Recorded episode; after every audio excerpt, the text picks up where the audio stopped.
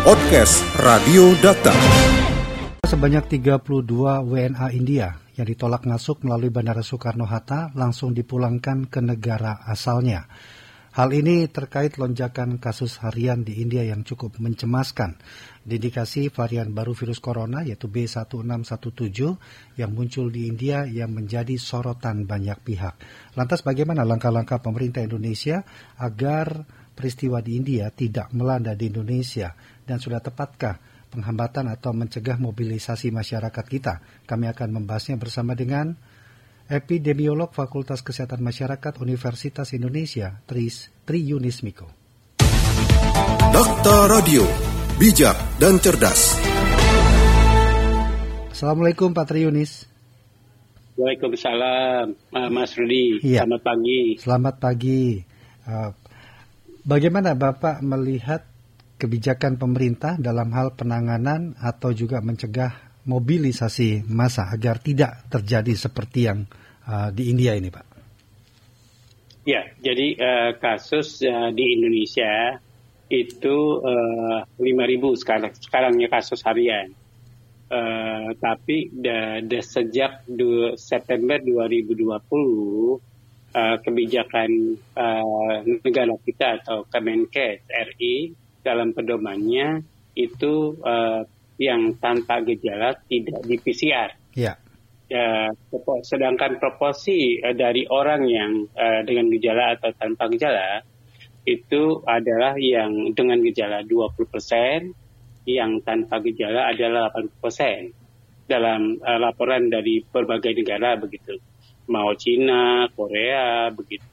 Nah, oleh karena itu di negara lain uh, OTG orang yang tanpa gejala diperiksa PCR-nya juga karena uh, mereka bisa menularkan uh, kepada orang lain begitu. Nah, uh, sekarang uh, di Indonesia uh, 5.000 itu kebanyakan adalah orang dengan gejala.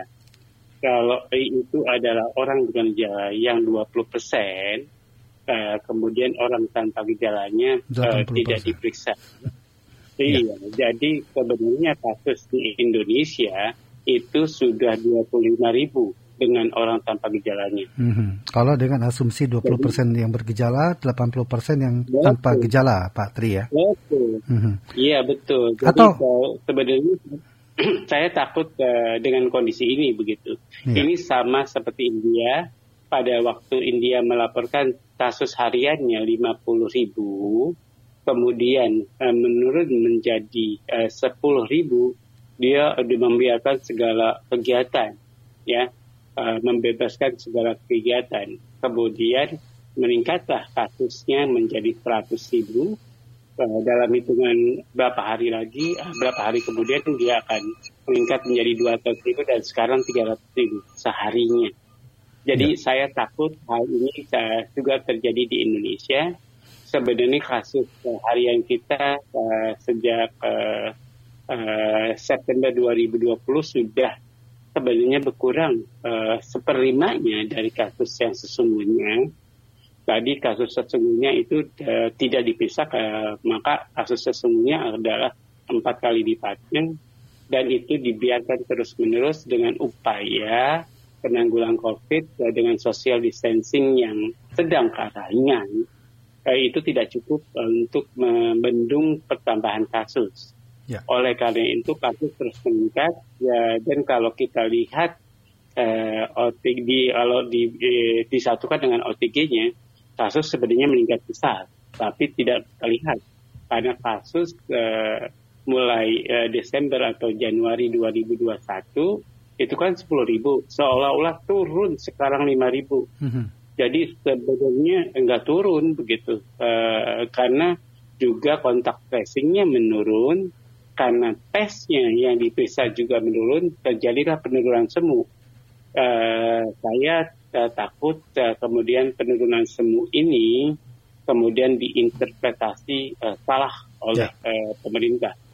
Jadi uh, yang terjadi bisa seperti di India, begitu. Mm-hmm. Nah, Artinya hasil yang diumumkan itu sesuai dengan uh, berapa besar kontak tracing yang dilakukan dan berapa besar tes yang juga dilakukan, Pak ya? Iya betul betul. Hmm, baik. Kemudian disebutkan bahwa lonjakan kasus di India akibat dari varian baru dari virus corona yaitu B1617. Atau jangan-jangan di Indonesia sudah ada nih varian atau virus baru ini, Pak? Iya, ke varian yang te telah terdeteksi di Indonesia ada tiga varian.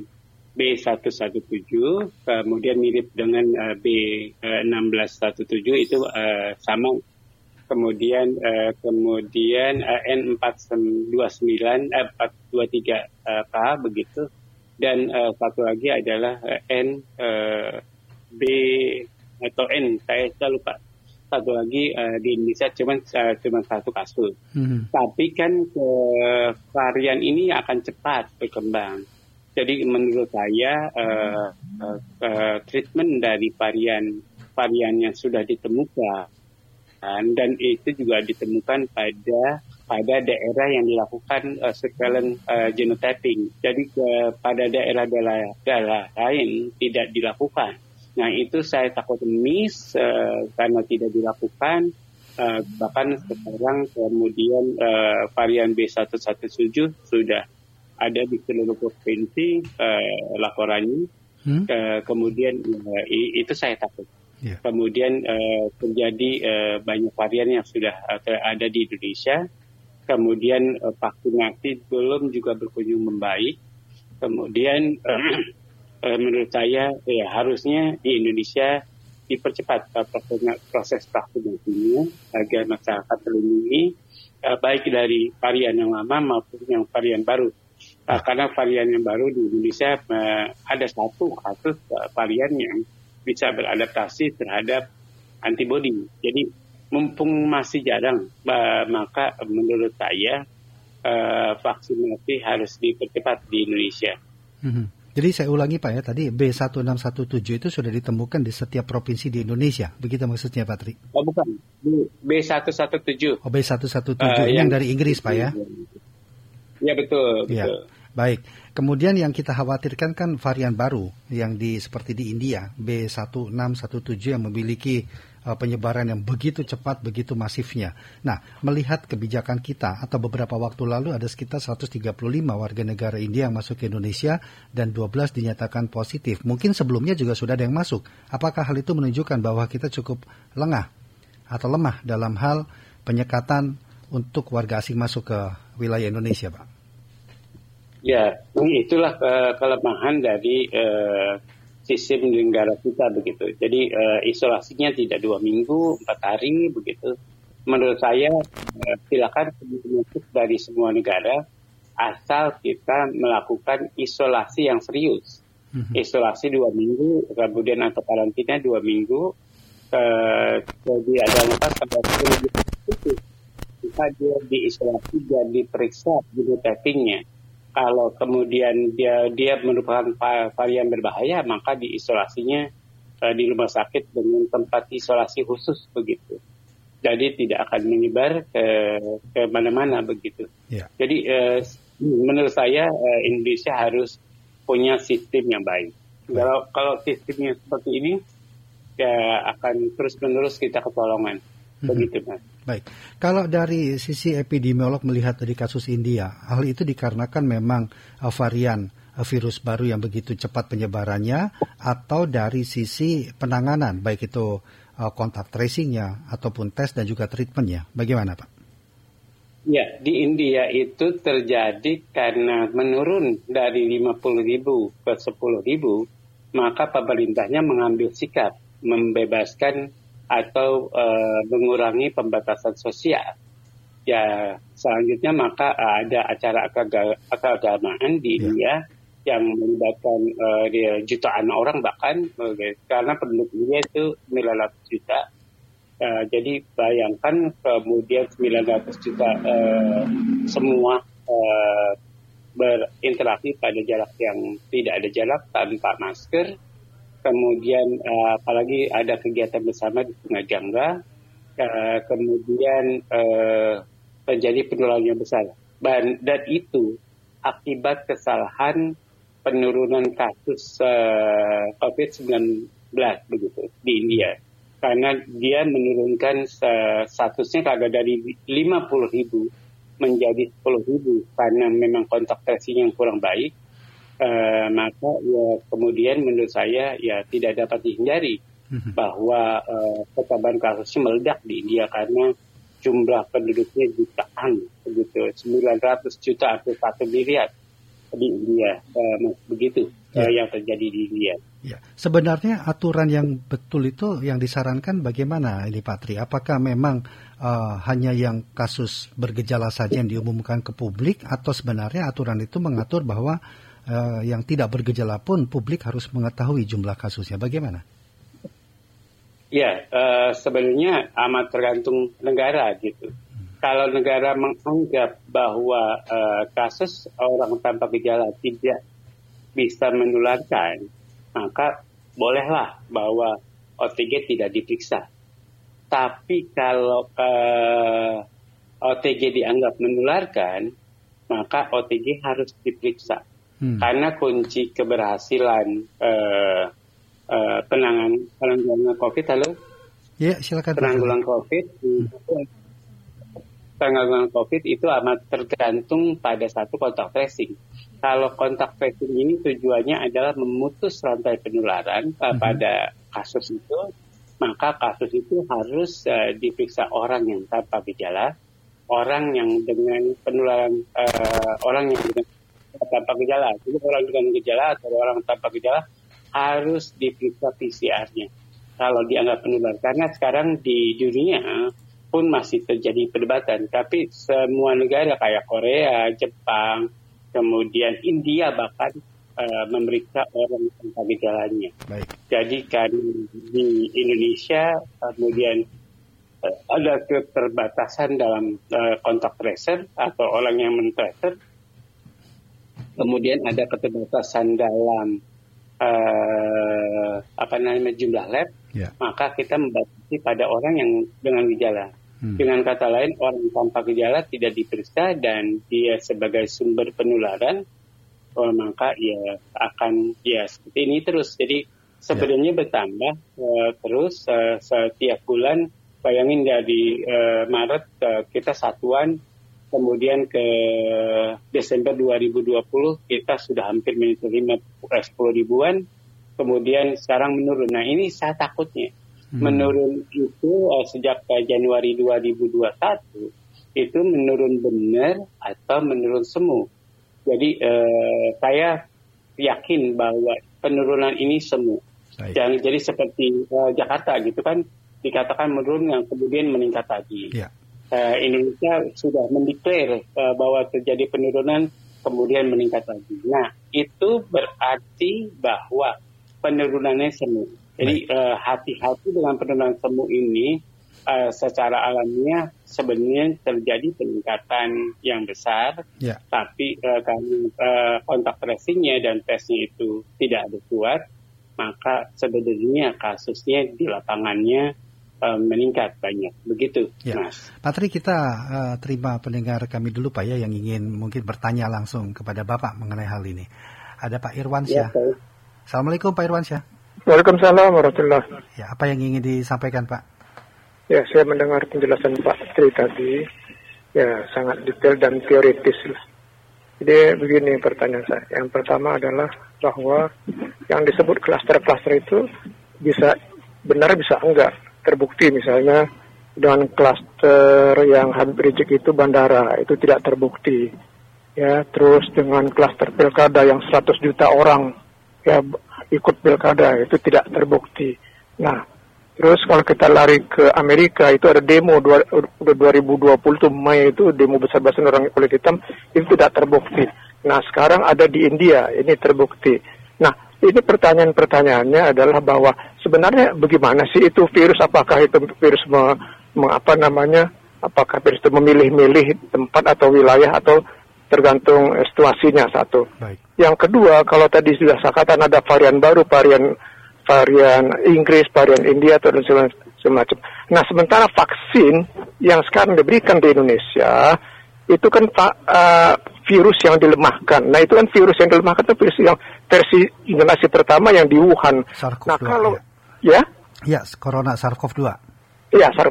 Nah, pertanyaannya sekarang virus uh, uh, vaksin yang mau diberikan kepada itu sudah tidak cocok lagi karena variannya sudah baru. Jadi saya rasa virus uh, vaksin yang di, disuntikan itu akan sia-sia jadinya. Baik. Jadi uh, Pak Tri, saya rasa bisa menjawab secara jujur kalau vaksin ini diperlukan bisa ya. kalau nggak nggak usah dipaksakan karena banyak efeknya dan memberikan masyarakat rakyat jangan nanti merasa Baik, pemerintah Pak. sudah Terima kasih, Assalamualaikum. Ya, terima kasih, Waalaikumsalam. Kami sudah menangkap Pak Irwansyah. Ada dua pertanyaan. Ini Pak Tri mungkin bisa dijawab. Sebenarnya ada tidak sih klaster-klaster itu dan bagaimana penjelasannya? Kemudian, apakah uh, vaksin yang sudah diberikan itu akan menurunkan tingkat efikasi dari sebuah vaksin, Pak?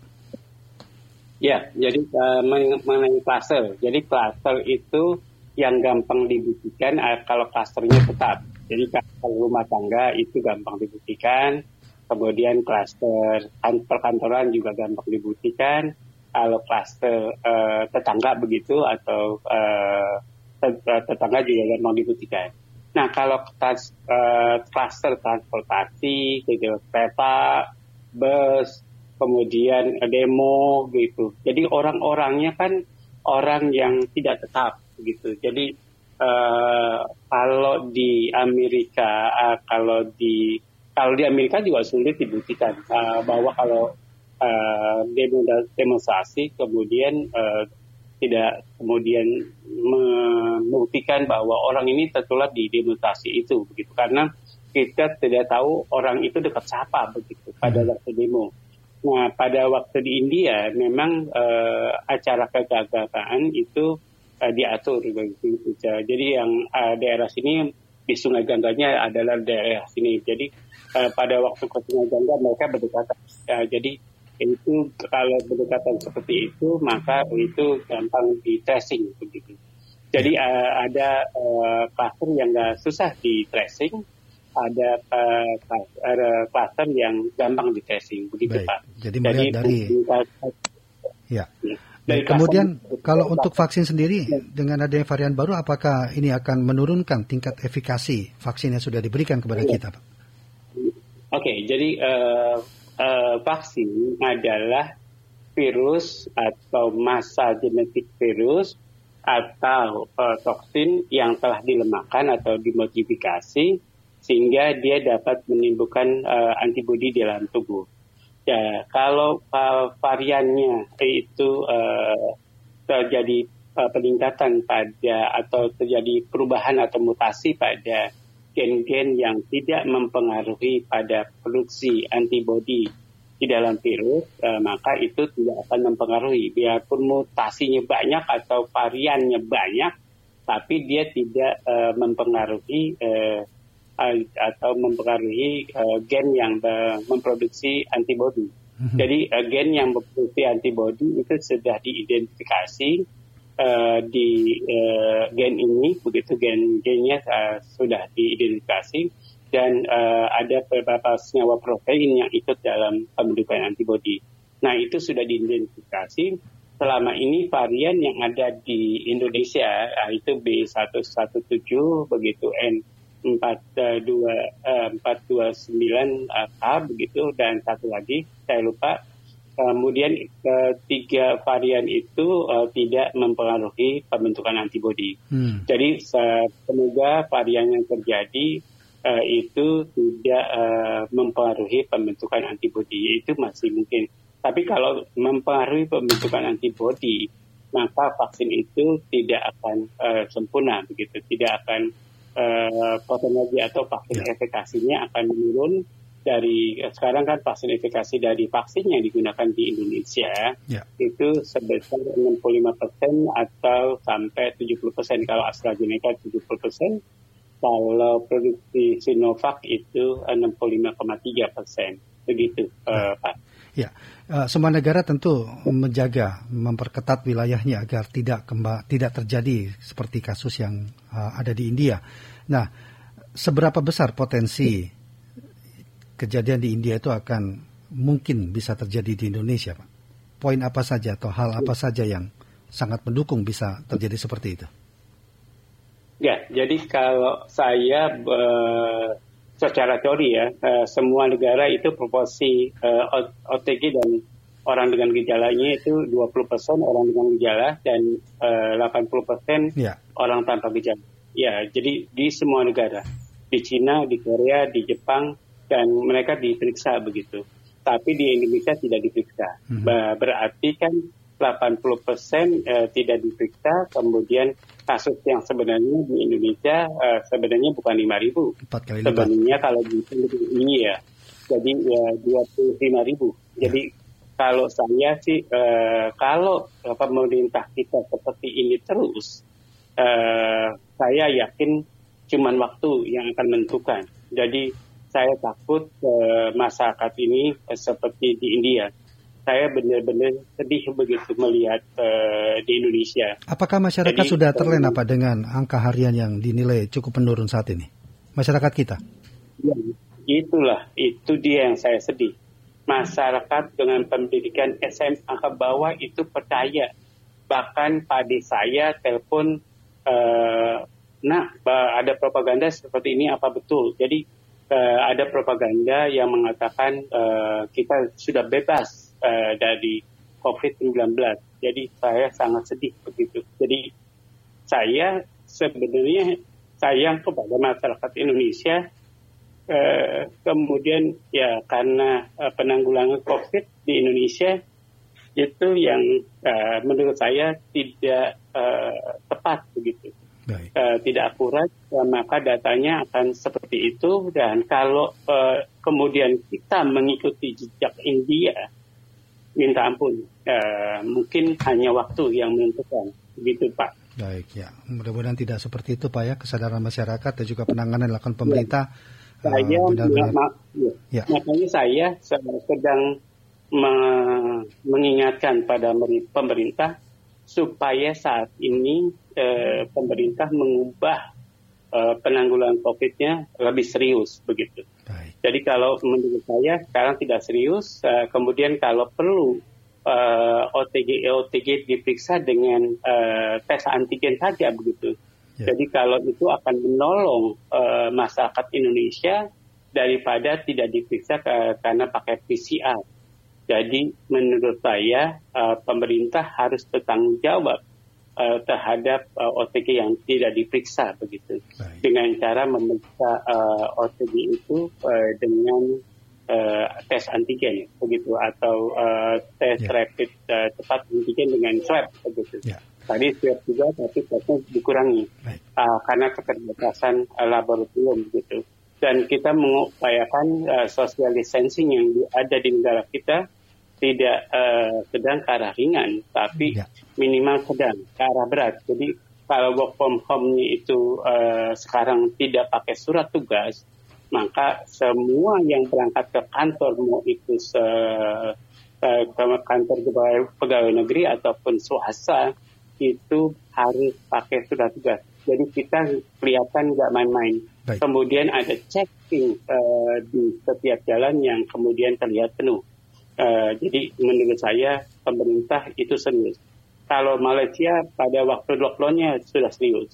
Kalau uh, Singapura dia melakukan uh, peraturan, dia serius dengan peraturan itu.